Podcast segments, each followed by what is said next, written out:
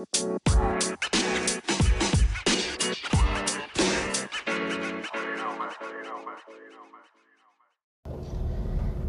lu Hoppers, gimana kabarnya? Semoga kalian semua sehat-sehat selalu dan semoga dalam keadaan baik dan uh, dalam keadaan baik ya semuanya. Karena mungkin belakangan ini ramai dengan masalah penyebaran virus COVID, corona, ya menghiasi tagline di mana-mana. Per hari ini aku pulang tadi sudah tambah beberapa kasus. Jadi di Indonesia terdeteksi sudah 172 orang yang terkena virus COVID ya. Virus corona, teman-teman.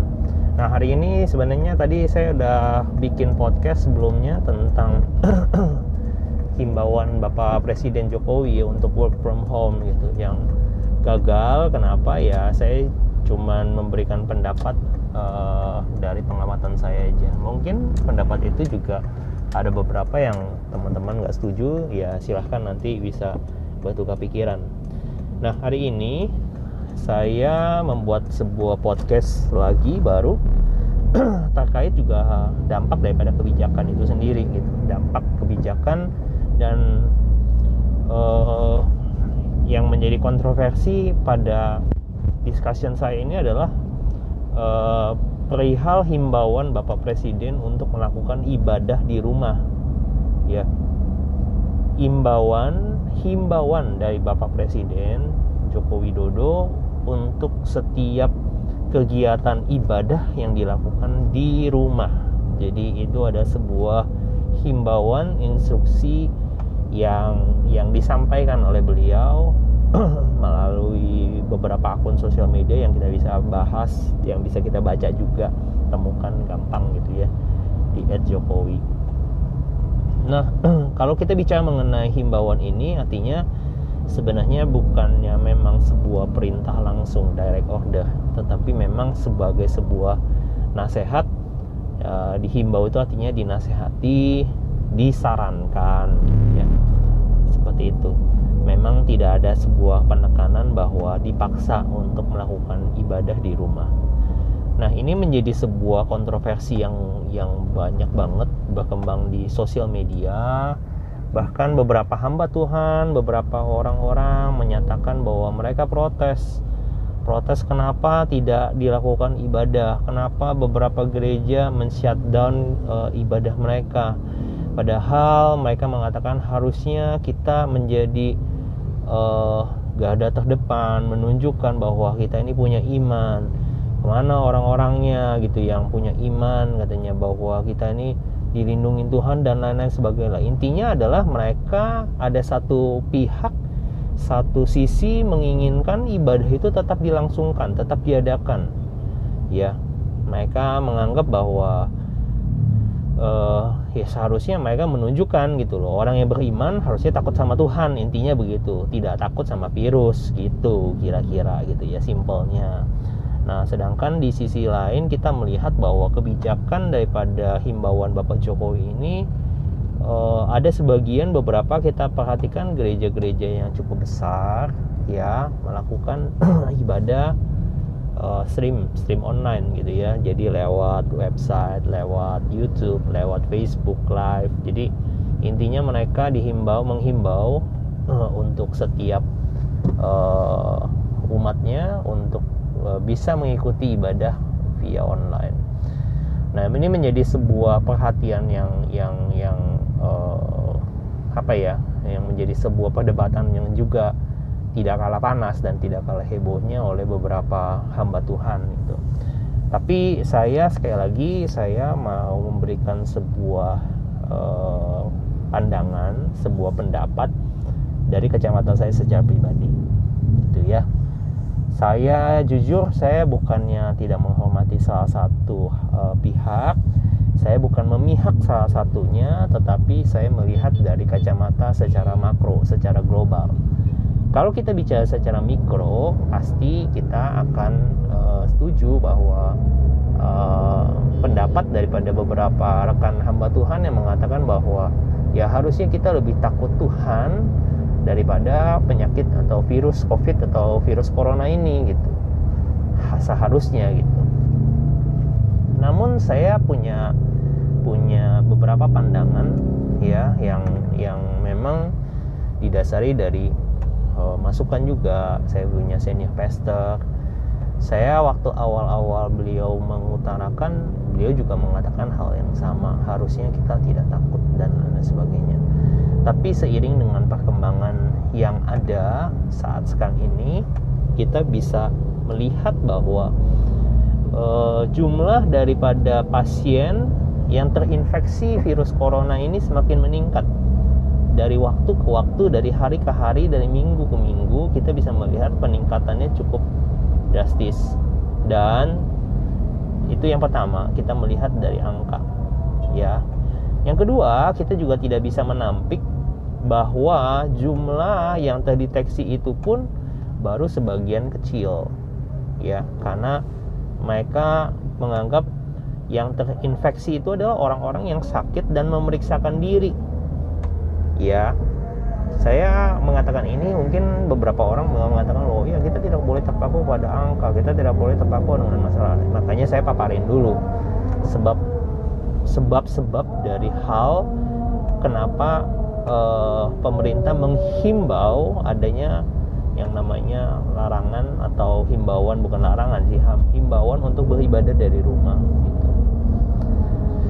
Jadi yang pertama menurut saya sebaran angkanya semakin hari semakin meningkat. Yang kedua, angka yang tertera pun itu masih sebagian kecil menurut saya secara pribadi. Kenapa? Karena saya melihat bahwa angka yang tercantum itu adalah angka-angka dari orang-orang yang suspek yang punya uh, kepentingan untuk memeriksakan diri. Mungkin dia sakit dia memeriksakan diri, akhirnya dia ter, uh, ter, uh, terdeteksi dia positif ataupun dia negatif. Nah, masalahnya bagaimana dengan orang-orang yang tidak terdeteksi. Orang itu mungkin ada sakit ada virus tapi dia tidak merasa bahwa dia sakit. Hmm, ada juga kan seperti itu. Kemungkinannya ada nggak? Ada menurut saya. Besar nggak? Mungkin besar. Tapi saya tidak bisa memastikan jumlahnya. Tetapi ada. Saya pikir pasti ada. Nah, jadi e, bicara mengenai jumlah penderita yang semakin meningkat yang kedua, kita melihat bahwa angka tersebut itu juga tidak merepresentasikan keadaan sesungguhnya, mungkin lebih banyak daripada itu. Nah, hal yang ketiga, kita bisa mengerti bahwa um, ciri ataupun uh, karakteristik dari virus corona ini adalah kita harus paham betul bahwa dia ini menyebar ya bahkan dikatakan di dalam uh, beberapa jurnal tulisan uh, dan unggahan daripada dokter virus corona ini virus yang menyebar 9 kali lebih cepat daripada virus influenza virus influenza biasa kalau ada orang yang bersin kalau di keluarga kita ada yang pilek maka punya kecenderungan orang-orang sekelilingnya atau keluarga di dekatnya, keluarga terdekatnya yang tinggal bersama dengan orang yang kena flu punya kecenderungan untuk sakit flu. Setuju ya? Nah, itu flu. Nah, virus corona atau covid ini punya kecenderungan untuk menular itu 9 kali lebih hebat, 9 kali lebih cepat. Jadi saudara bisa bayangin, flu aja tinggal bareng bisa kena. Ya, itu kemungkinan tinggi. Ini 9 kalinya. 9 kali lebih cepat, 9 kali lebih hebat. Jadi bisa dipastikan bahwa penularannya contagious banget. Jadi ini yang yang dikategorikan makanya secara national ini pandemi juga gitu ya. Um, itu hal yang kedua. Nah, hal-hal yang lain yang kita mungkin uh, harus tarik ke beberapa hal yang kita lihat bahwa kenapa ya gereja beberapa gereja yang besar meniadakan servicesnya ya saya mau katakan bukannya saya membela ya bukannya saya me, me, me, mengatakan uh, saya pro dengan mereka karena ada udang di balik batu ada bayaran atau saya jemaat tidak sama sekali. Jadi saya menyuarakan podcast ini semurni hanya sebatas dari pendapat dan pandangan saya aja. Yang pertama kita harus sadar jangan kita menjadi seorang uh, komentator komentator atau hakim-hakim yang sotoy gitu ya yang so tahu gitu saya kita apalagi ada orang-orang yang yang menjudge ya menjudge atau menghakimi uh, beberapa keputusan daripada petinggi-petinggi atau gembala gereja, gembala sidang yang meng mengambil keputusan untuk ibadah online, ibadah stream, ya. Jadi tidak ada ibadah diliburkan dan ibadahnya stream. Nah, yang saya mau katakan bahwa mereka juga harus tahu, orang-orang itu juga harus tahu bahwa keputusan itu memang tidak akan ada yang menyenangkan semua pihak. Saya percaya keputusan itu diambil berdasarkan beberapa pertimbangan. Ya, salah satu pertimbangannya ini yang saya pikirkan dan saya pandang uh, sebagai sebuah pandangan yang saya nyatakan juga kepada semua hoppers yang mendengar itu. Salah satunya adalah pertama adalah mereka memikirkan keselamatan umum kita sering berpikir bahwa orang-orang yang mengambil keputusan meniadakan ibadah, pemimpin-pemimpin agama, pemuka-pemuka ibadah itu dianggap orang yang tidak punya iman. Ya, ya seperti itu ya. Sering kali kita mendengar seperti itu.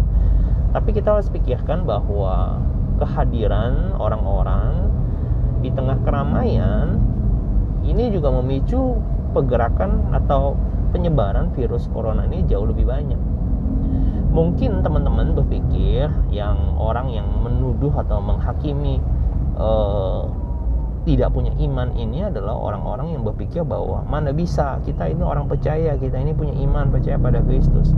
Kita pasti dilepaskan kita pasti dilindungi dan lain sebagainya.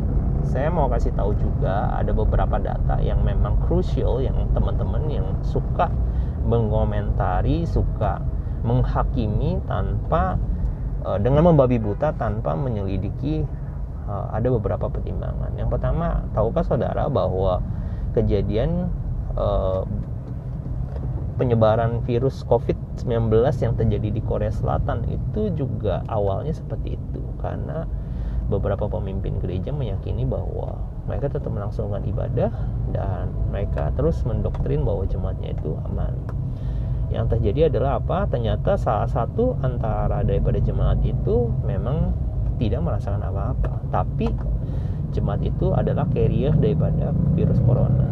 Dan saudara tahu apa yang terjadi selanjutnya? Bahwa dia menginfeksi dan dia menularkan virus tersebut kepada jemaat-jemaat yang lain. Ya akhirnya banyak sekali. Mungkin saya pikir ratusan daripada jemaat-jemaat gereja itu terkena virus corona oleh karena itu orang tersebut gitu. tanpa sadar tanpa sadar. Kalau terjadi seperti itu yang dirugikan siapa gitu? Ya dirugikan semua pihak gitu. Ya jadi uh, penting untuk diketahui bahwa ada kejadian di Korea Selatan seperti itu. Kalau teman-teman mengatakan bahwa itu kan di Korea di Indonesia enggak seperti itu. Oke teman-teman kita baru saya juga barusan tadi uh, dapat uh, WhatsApp ya. Kiriman dari GRII cabang BSD Serpong. Nah, mereka membuat surat edaran, mereka baru saja mengumumkan bahwa ada satu orang anggota paduan suara ya disinyalir terkena virus COVID-19 hari Senin tanggal 16 Maret.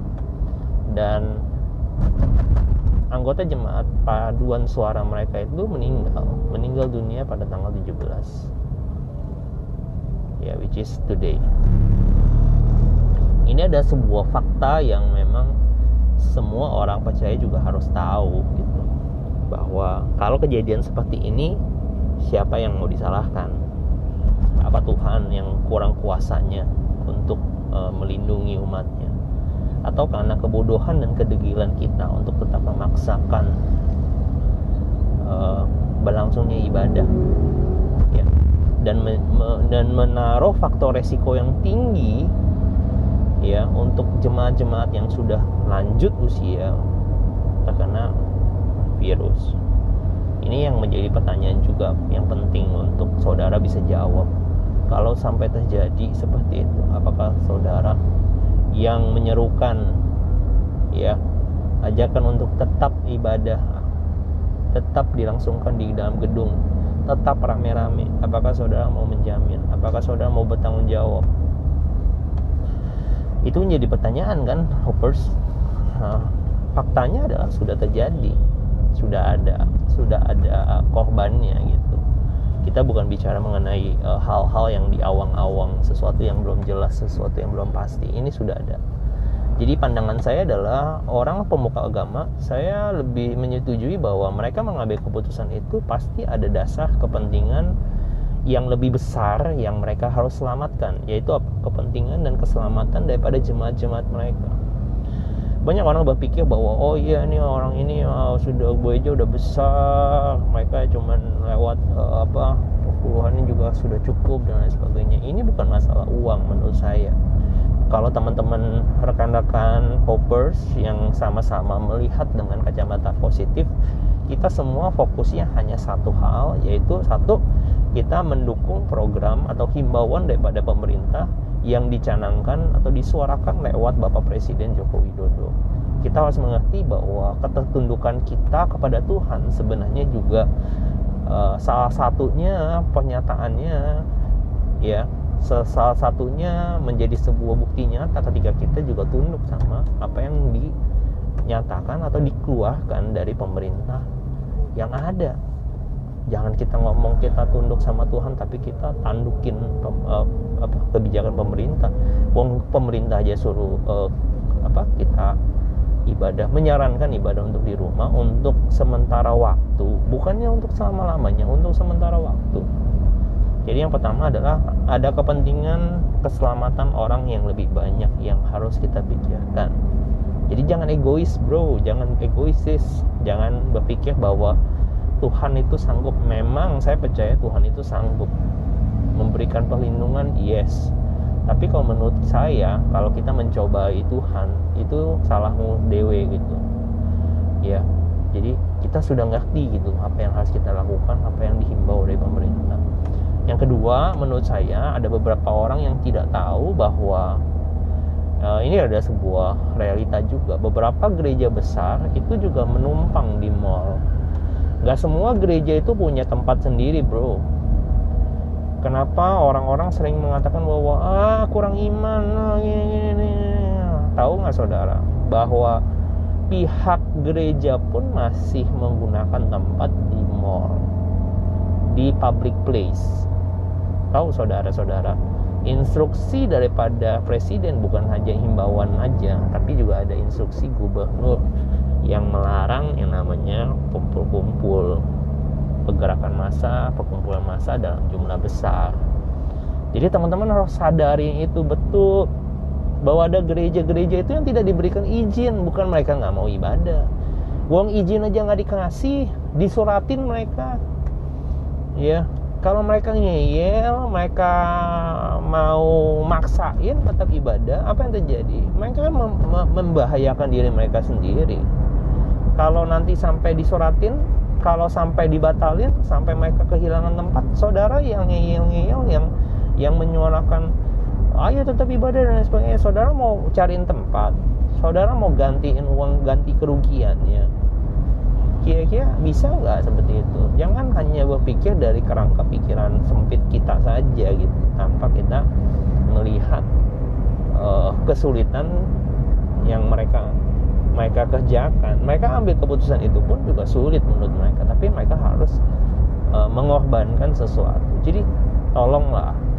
Kita harus mengerti bahwa tidak semua gereja itu menggunakan yang namanya gedung mereka sendiri. Mereka numpang mereka ada yang bayar sewa mereka ada punya tenant mereka adalah tenant dari se sebuah tempat usaha ya ada yang di mall ada yang gedung ada yang ruko dan lain sebagainya. Nah kalau misalnya sampai ada instruksi jelas supaya tidak membahayakan instruksi dari bapak gubernur untuk menghindari dan lain sebagainya. Dan kemudian pihak pengelola pihak owner yang punya tempat menolak untuk supaya tidak ada kegiatan dulu untuk sementara waktu. Apakah saudara tetap mau maksain? Dengan resiko mungkin dia diusir mungkin dia kehilangan tempat dan lain sebagainya. Jadi tolonglah. Jangan jangan berpikir bahwa just dengan easily. Mereka tuh nggak punya iman mereka nggak punya uh, apa kepercayaan mereka nggak punya kuasa dan lain sebagainya itu pemikiran saya sih. Jadi uh, satu keselamatan orang banyak. Yang kedua uh, masalah dengan pihak pihak ketiga ya. yang ketiga menurut saya ini salah satu juga yang penting gitu. Yang perlu diketahui oleh banyak orang kenapa para petinggi atau pemimpin atau gembala sidang menggunakan uh, memutuskan untuk meniadakan ibadah dan menggantinya dengan ya. Uh, selain mereka juga menghindari yang namanya kerumunan massa. Ya, jadi uh, seminimal mungkin ketika kita kumpul-kumpul dengan orang-orang artinya kita meminimalisir juga kontak atau penyebaran yang namanya virus corona.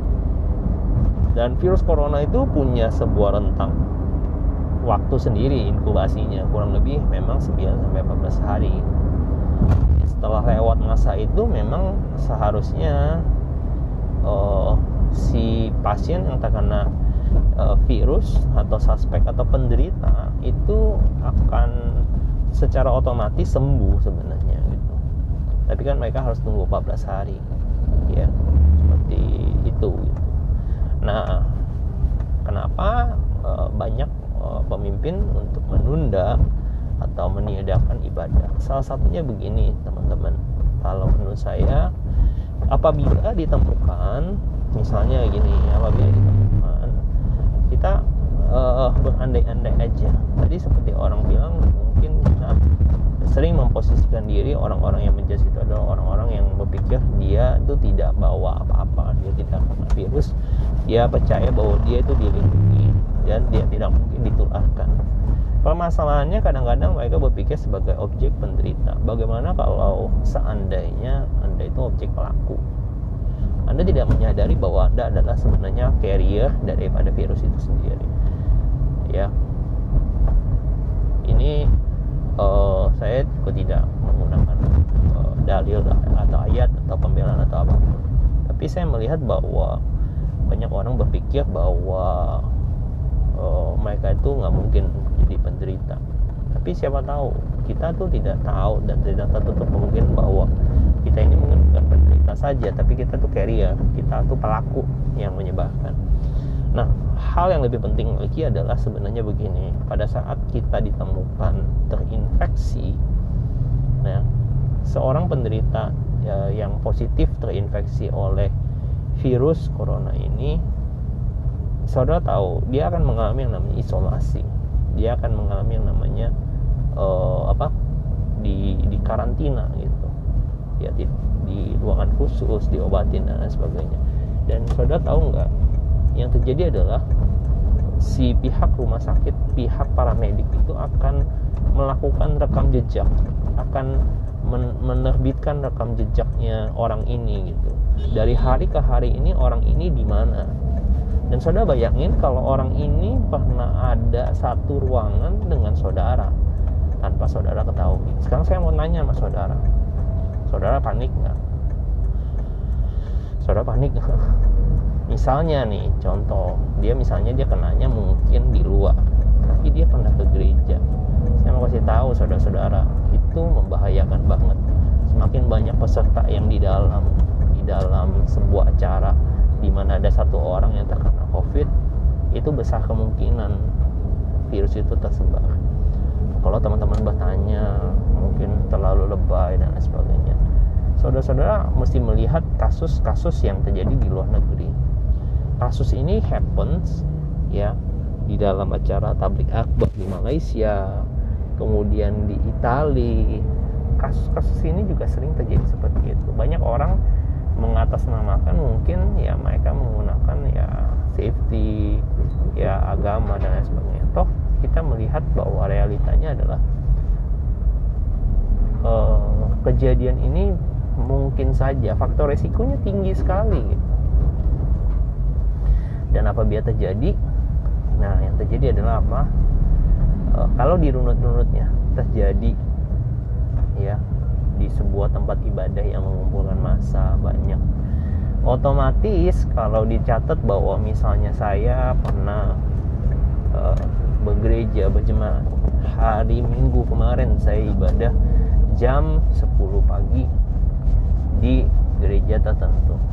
Otomatis saudara saya mau kasih tahu orang-orang yang beribadah orang-orang yang satu pelayanan sama beliau jam 10 jam tersebut di gereja yang disebutkan itu itu sudah pasti harus ngecek uh, corona.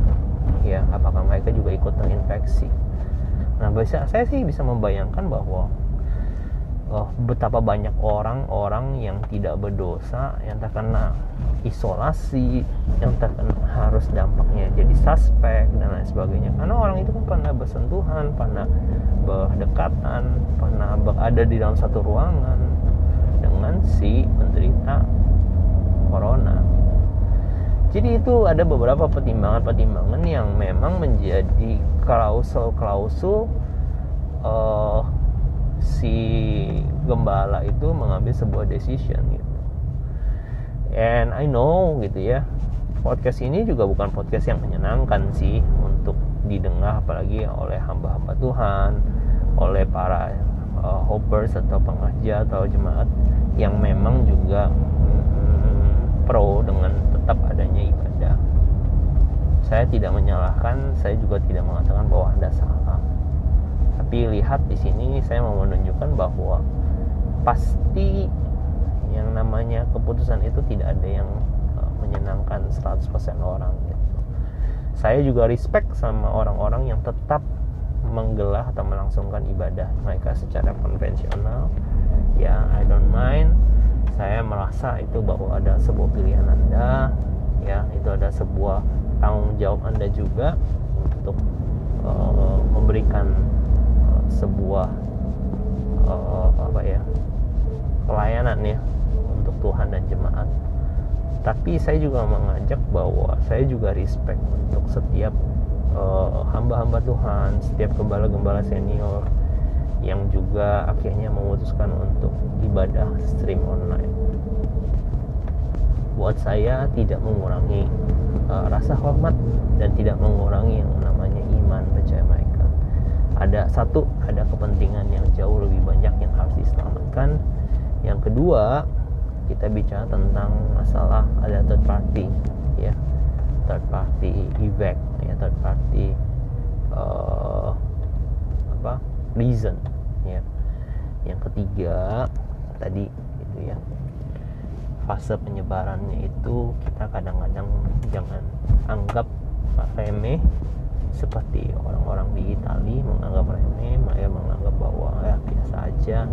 Mereka orang-orang hygiene mereka orang-orang yang tetap punya adat untuk bercipika-cipiki salaman kumpul minum makan bareng. Yang terjadi adalah sekarang negara tersebut benar-benar negaranya di lockdown. Ya. Saya tidak juga memang uh, podcast ini dibuat juga bukan artinya membesarkan si coronanya. Sekali lagi saya bukan membesarkan coronanya tapi saya mau membuat sebuah klarifikasi pandangan. Jangan menjudge jangan menghakimi sesama kita orang percaya yang baik yang melakukan ibadah secara konvensional maupun yang melakukan ibadah secara dua-duanya punya reasonnya dua-duanya punya pandangannya masing-masing. Jadi kalau kita paksakan pandangan kita kepada orang lain memang sering kali kita akan bentrok sering kali kita akan kecewa sering kali kita akan bertengkar. Tapi kalau kita berpikir secara positif kita tahu bahwa in the end kita punya sebuah hal yang memang kita bela kepentingannya yakni kepentingan yang besar jauh lebih besar